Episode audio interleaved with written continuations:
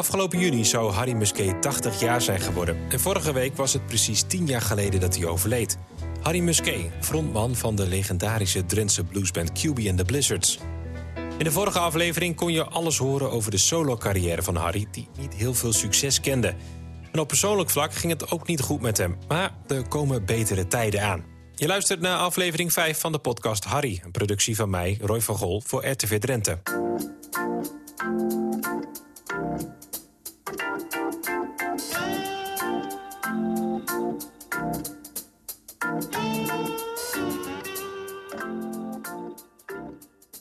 Het is ergens in de jaren 80 en Harry zit, zoals zo vaak, in het café. Hij heeft de blues. En flink ook. Hij is depressief.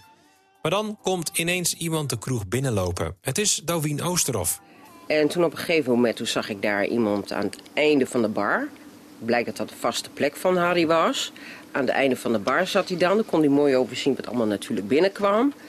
Nou, en uh, op een gegeven moment uh, kregen wij uh, ja, praterij met elkaar. En, dus dat ging heel leuk. En, nou, en dan wordt, komt er een vervolg. Hè? Dus vaker even naar de kroeg. God, zal die vrij zijn? Zal die aan het werk zijn? Weet je wel. Maar hij was toch wel een beetje in die periode vrij. Omdat nou, niet goed ging met Harry op dat moment. En... Dus uh, ja, ik heb hem toen heel uh, leren kennen toen. De twee vinden elkaar eigenlijk meteen leuk. En Darwin vertelt wat ze precies van Harry vond. Uh, wat ik van hem vond is dat hij best wel heel verlegen was. Hij heeft een hele verlegen kant over zich, heel bescheiden. als hij eenmaal aan de praat is, dan, dan blijft hij praten. Dus dat was wel handig voor mij. maar ik wist niet dat Harry Harry Musquet was. Dus dat, dat wist ik helemaal niet. En toen, uh, want ik ging toen met een vriendin om, dat was een oud Assenaar. Ja, zegt ze, weet je wel wie dat is? Ik zeg, geen flauw idee. Geen flauw idee, joh. Nee, dat is Harry Musquet van QB en de Blizzards. Oh, dus ik werd een beetje opgevoed in die uh, scene, zeg maar. Zo van, oh, die speelt blues en uh, dit en dat. Dan moet je eens maar eens luisteren. Toen kreeg ik nog een boek en... Nou, van alles en nog wat. Dus ja. zo ja, leerde ik hem een beetje kennen. Maar ik gaf het al aan, Harry was nog niet over de breuk met Mariska Kok heen. En Darwin is daar na een tijdje wel klaar mee. Ja, dan was hij echt... Uh, uh, overdag uh, was hij echt veel... ik heb hem natuurlijk wel een beetje gecheckt. En dan was hij veel thuis en dan was hij toch alweer later in de kroeg of vroeg in de kroeg. En dan, ja, dan dronk hij gewoon verkeerde rotzooi. Ja, ja. ja, dus dat ging niet goed met hem. Nee. En dat heeft mij wel heel veel uh, energie gekost. Want ja, ik probeerde toch wel uh, hem uh, eruit te halen. En dat ging ook wel, maar ja, je moet er zelf aan toe zijn. Hè? Ik bedoel, je kan wel heel leuk iemand willen helpen. Maar als je zelf niet wil, dan houd het een keer op voor de ander. Ja. Dus dat heb ik toen ook wel eens een keer tegen hem gezegd. Zo van, nou ik ben er eigenlijk wel een beetje klaar mee met dit leven met je. Want het was wel een nachtelijk leven met hem. Ja, dus uh, dat, uh, dat was ik wel een beetje... ja. ja, dat had, had ik mij eigenlijk mijn punten achter gezet. Harry gaat dan op vakantie met zijn goede vriend Rudy Leukveld. En wanneer ze terugkomen heeft Harry een belangrijke boodschap voor Darwin. En uh, nou ja, en, uh, hij kwam terug. Hij zegt, ik ga samenwonen. Oh, met wie? Nou ja, dat, dat, dat uh, was natuurlijk wel duidelijk. Maar ik was er nog niet op voorbereid, weet je wel. En ik woonde toen ook heel klein. Ik denk, dit gaat hier nooit goed. Ik werd gek. Dit kan niet, weet je wel. Dat gaat niet. Maar hij uh, vond het allemaal maar goed. En uh, hup, volgende dag kwam hij weer. Hup, had de boel bij zich en ging bij mij in huis. Ja. Het is nu of nooit, zegt hij. En dan terug naar de muziek. Harry is halverwege de jaren 90 klaar met de zaaltjes waar hij met zijn soloband speelt. Hij klopt dan aan bij Johan Derksen, die C uiteindelijk zou gaan managen. Op een gegeven moment belde hij mij een keer. Van, hij zat met het Musquet in het circuit van, uh, van jeugdhonken en poppodia.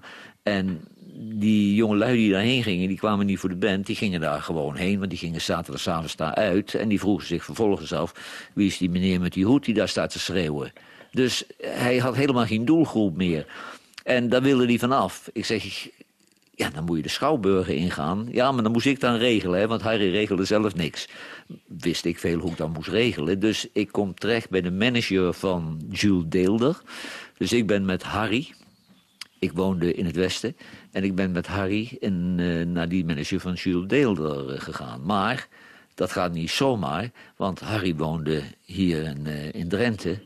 En Harry wil niet met openbaar vervoer alleen naar het westen.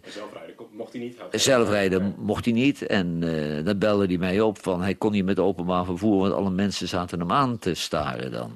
Ik zeg ja, maar zet die cowboyhoed dan eens af. Misschien wordt het daar beter van wordt. Maar dan was je zo gek en hij had zo'n heel groepje om zich heen. Ik noemde het altijd huisknechten die alles voor hem deden. Dus dan reed ik uit het westen hier naar Drenthe. Haalde ik Harry op. Dan gingen we samen naar Leiden. Naar de manager van Jules Deelder. Dan hadden we een gesprek. Dan reed ik weer terug naar Drenthe. Zette ik Harry af en ging naar huis. Zo ging dat. Zo ging dat. En ik weet nog wel, er was een volslagen mafketel, die gozer van, uh, van Jules Deelder. Maar die heeft ons wel uitgelegd hoe uh, het werkte in de Schouwburgen. En diezelfde avond moesten ze spelen in Utrecht... Uh, in de open lucht voor Vredenburg, kan ik me herinneren. En hij ging mee, die manager. En Harry staat met die band te spelen. En die gozer zegt tegen mij... het was zo'n zo'n dandy met zo'n butterfly, kan ik me herinneren. Die zegt tegen mij, nou deze jongelui kan ik nog heel wat leren. Toen dacht ik al, dit gaat niet goed, dit gaat niet goed. Dus het is pauze en binnen en Harry zit een grote pils naar binnen te werken. En hij zegt tegen Harry, Harry, dat kan niet uh, in een schouwburg, hè, met de rug naar het publiek staan. Nou, ik zag die kop van Harry. Dat is klaar. Ja. Na afloop zei hij al, met die kloos zal ik weer niks te maken hebben. Dus die was snel weg. Aanvankelijk zou Harry met zijn eigen soloband verder gaan onder de naam QB and the Blizzards. Maar toetsenist en fluitist Roy Cuchel houdt het voor gezien... Oud-Blizzard Helmich van de Vecht keert terug. Maar de band krijgt op vakantie ruzie... en Harry blijft alleen over met Helmich en gitarist Erwin Java. En ja, dan moest er nieuw, toch een bassist en een, een drummer uh, hebben, weet je wel. En uh, nou, hoe gaan, we, hoe gaan we dat doen? Nou, toen was er in, in, in Hofstegen, uh, in Grollo, was dan de, de, de jaarlijkse fanclubdag. Ja, daar moesten wij muzikanten voor hebben. Nou ja, toen wat brainstormen. Nou, Hans Waterman misschien. Hans Waterman was een van de oude QB-drummers. En daar hadden we ook een paar dingetjes in het verleden wel eens wat mee gedaan. Ik ook wel eens wat sessies en zo. En uh, Sil, Sintje Ooms op bas, ik weet niet of je die kent. Die speelde in die tijd bij Fred Reining, volgens mij. En uh, nou, dat leek ons wel een leuke combinatie. En god, ik weet niet eens meer wie er toen keyboard speelde. Maar in ieder geval, daar hebben we dus mee opgetreden tijdens zo'n fanclubdag. Was het wel met Roy of was het nog met Helmi? Maar goed, maakt niet uit. Uh, nou ja, en, maar goed, Johan, was, Johan Dex was natuurlijk op de achtergrond ook al bezig om wat te organiseren rond die band. Dus die zei wel van ja, oké, nou hartstikke leuk dat jullie doen. Tenminste, denk ik dat hij dat zo met Hardy besprak. Maar ja, die jongens uit Zwolle, met name dus bedoelde hij Hans Lafaye en Herman Dijnem, ja, die willen ook nog steeds. Weet je wel? Dus die, die kunnen we ook nog natuurlijk altijd nog vragen. Nou, en uiteindelijk, uh, dat, dat optreden in, in, in, in Gollo was hartstikke leuk. Maar uiteindelijk is Harry toch geswicht, of geswicht niet, maar heeft hij, uh, ja, heeft hij met Johan en met de, de sponsor, hè, we hadden inmiddels ook een sponsor gekregen. Dat was uh, Henk, A. van BFR. En die kende die jongens uit Zwolle heel goed ook, weet je wel. Dus, nou ja. Henk A. uit Raalte is de grote geldschieter van de C plus B Revival. En hij wil de vroegere Blizzards uit Zwolle. Hans Lafaye, Herman Dijnem en dus Helmich van de Vecht.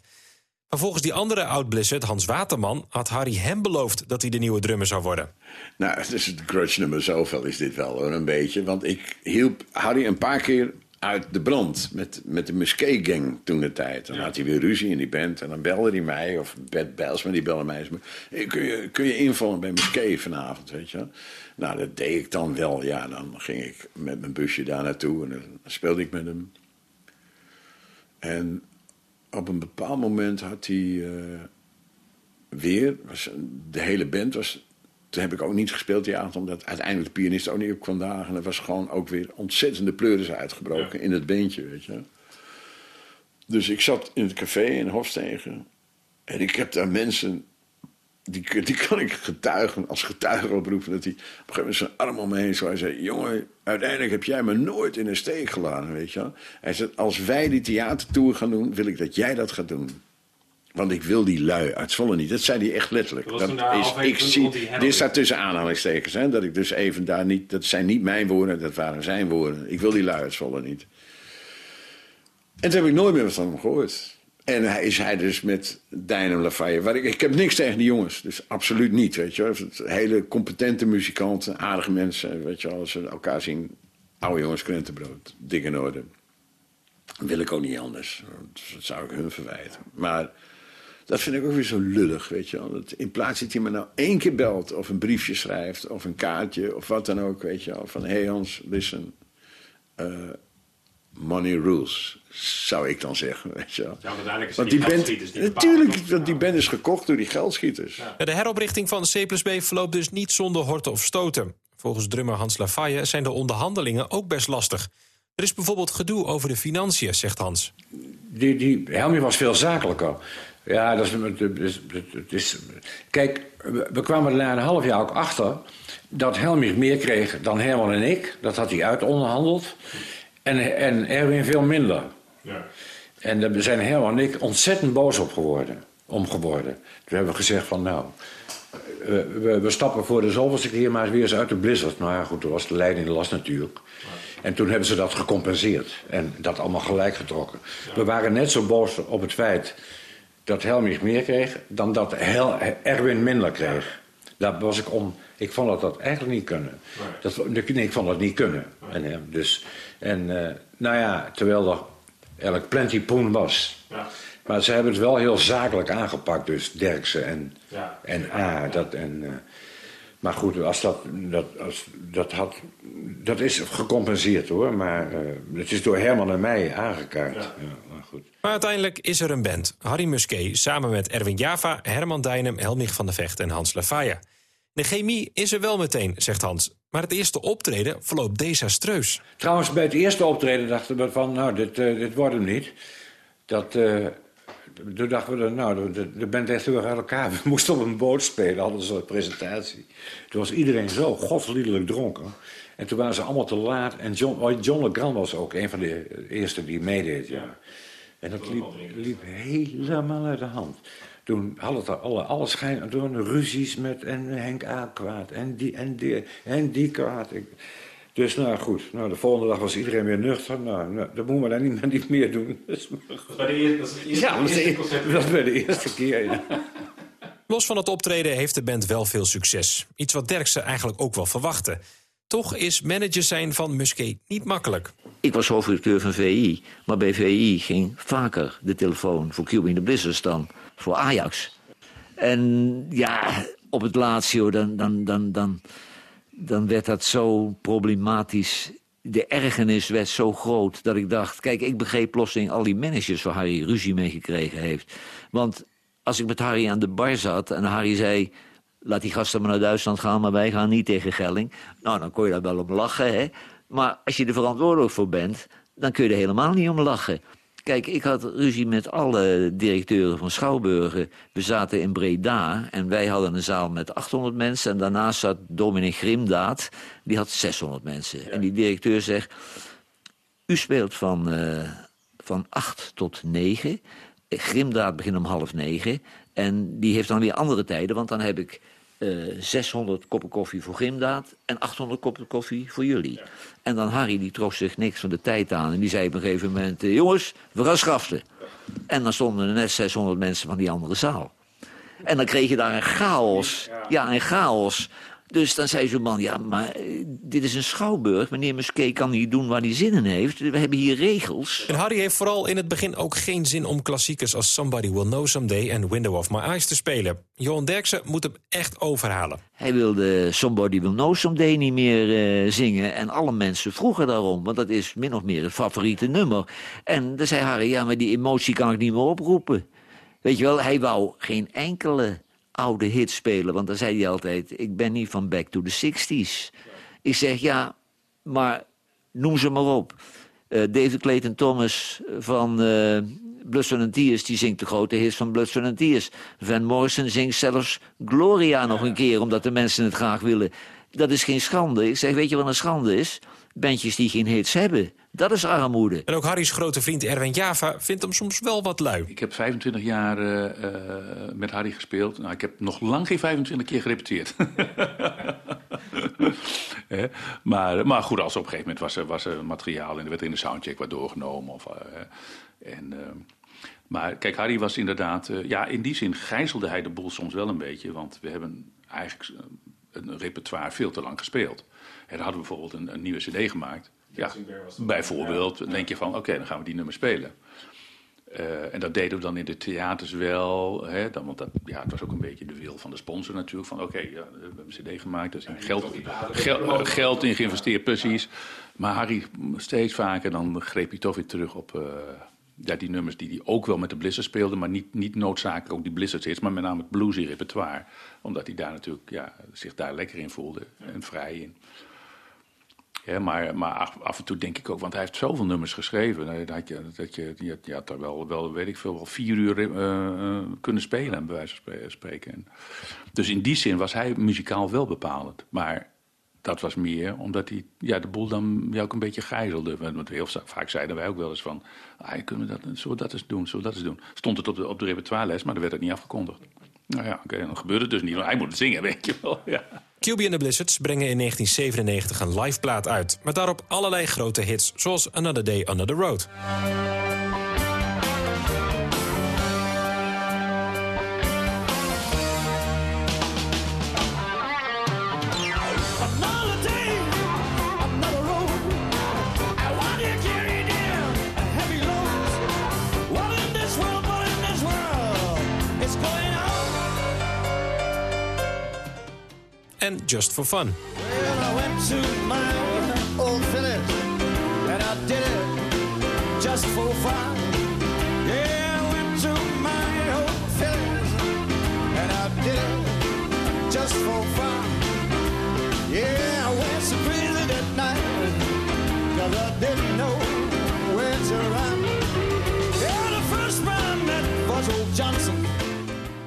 Ondertussen begint het manager van Harry en de band Johan Derksen steeds meer tegen te staan. Harry drinkt veel, maar gebruikt ook. Kijk, op een gegeven moment, hij hield zich niet in de tijden in die, eh, in die schouwburgen. En dan belde hij mij op, zat ik bij VI, en dan belde hij mij op. En dan zei hij, ik ben niet voor u te brand. En toen dacht ik, nou, vanavond spelen we in Leeuwarden. Dat wordt weer een probleem, want na drie kwartier... dan heeft Harry het gezien, want dan is hij buiten adem. Dus ik had een secretaresse uit Amsterdam en die wist de weg. Die gaf ik geld en dan zei, ga eventjes eh, shit halen. En die kwam dan terug en dan race ik door de pollen naar Leeuwarden... om voor het optreden nog... eh, de heren de spullen te geven. Maar op een gegeven moment zei mijn vrouw tegen mij... die begon op de strot uit te hangen. Die zei, moet je kook of eh, suiker in de koffie? Het staat allebei in het aanrechtkastje. En toen dacht ik, ja, je bent gek ook. Je wordt aangehouden, ze trekken je, je kastje los... en eh, je bent een lul, hè? Je gaat maatschappelijk helemaal naar de kloten. En er was nog een incident. Toen hebben we in Kampen gehad dat we de Schouwburg moesten spelen. En eh, toen was er een hittegolf. En het was uitverkocht. En die directeur zei, ja, dit, dit, dit kan niet hoor, met dit weer in een uitverkochte Schouwburg. Laten we het buiten op het plein doen. Hij zegt, dan komen er wel mensen gratis kijken, maar eh, het is uitverkocht. Nou, prima. En zuipen en snuiven. En eh, Harry had al zo'n playlist. En we begonnen altijd met eh, Another Day, Another Road. Dat was het eerste nummer. En eh, die playlist afgewerkt. In de pauze binnen. Drinken, snuiven. En we beginnen weer. En Harry heeft de playlist niet omgedraaid. Dus die zegt tegen die gast, Another Day, Another Road. Nou, daar gingen we weer. Die vijf op het podium hadden het niet door. Die vijfduizend op dat plein wel, hoor. Weet je wel, sta ik in die coulissen te wijzen, weet je wel. En dan Harry, als hij even niet zingt en de band speelt... is weer niet goed. Nee, nee, dit, dit is niet goed, nee. Derksen en Musquet krijgen ruzie, waarna Derksen ermee ophoudt. C plus B komt in 1998 met een nieuw album Dancing Bear... dat commercieel ook niet heel veel doet. Nou, op dat album staat een nummer over Derksen, I Don't Care. I don't care if you like me or not.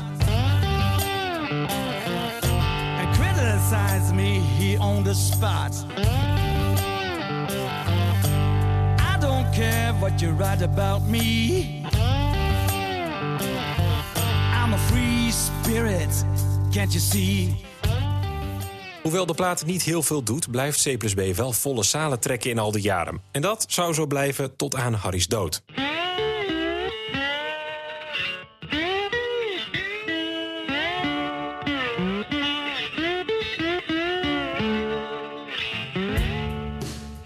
Luisterde naar aflevering 5 van de podcast Harry, een productie van RTV Drenthe. De podcast wordt gemaakt door mij, Roy van Gol. Ik deed de research, productie, interviews en montage. Sophie Timmer deed de eindredactie en Jeroen Mulder de eindmix. In de volgende en laatste aflevering duiken we in de laatste jaren van Muskees leven. En de podcast Harry is elke zondag te horen in het Radio Drenthe-programma Drenthe Toen... maar ook in je favoriete podcast-apps en via Spotify. En vergeet niet anderen te vertellen over deze podcast. Just took me so red. I got on TV blue.